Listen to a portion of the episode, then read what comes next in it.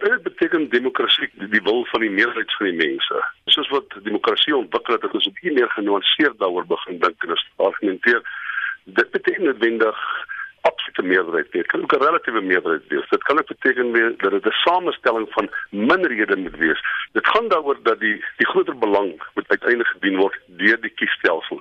Kroukamp sê mededingendheid is nog 'n belangrike beginsel van demokrasie. Indien dit nie mededingend is nie, dan uh, verwater dit op dieselfde wyse as wat politieke stelsels ontwikkel autoritaire stelsels of in diktatorskap uiteindelik.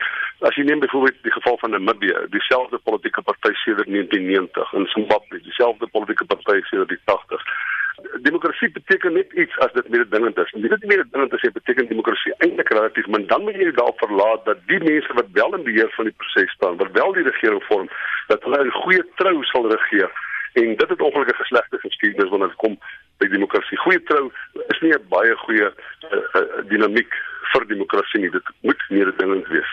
Volgens Kroukamp is beperkte termyne vir leiers bevorderlik vir die demokrasie. As jy gaan kyk na data en statistiek, sal jy sien die lande wat beperk word tot twee termyne het in terme van wat die Verenigde Nasies noem 'n Human Rights Index of a Human Social Development Index daardie lande doen almal baie beter. Met ander woorde, daar's 'n hoë sosio-ekonomiese status en 'n hoë sosio-ekonomiese ontwikkeling in lande waar presidente se mag beperk word en natuurlik in uh, implikasie die politieke stelsel se mag beperk word.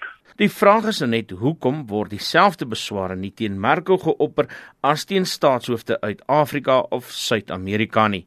Theo Becker sê dit het alles met eurosentrisme te doen. Europa is dit aanvaarbaar want daar word gesê dat hulle het 'n demokratiese tradisie en dan word daar bygevoeg soos in Duitsland se geval dat die rule of law geld en dat jy 'n baie streng party wetgewing het wat die konstitusie en grondwet ondersteun.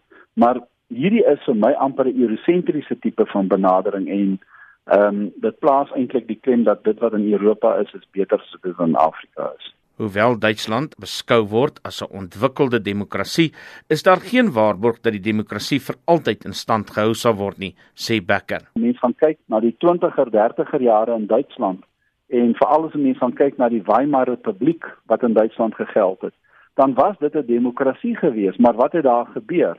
As gevolg van sosio-ekonomiese faktore het Duitsland um, ernstige uh, probleme onder, ondervind en het hulle in 'n diktatuur ontwikkel.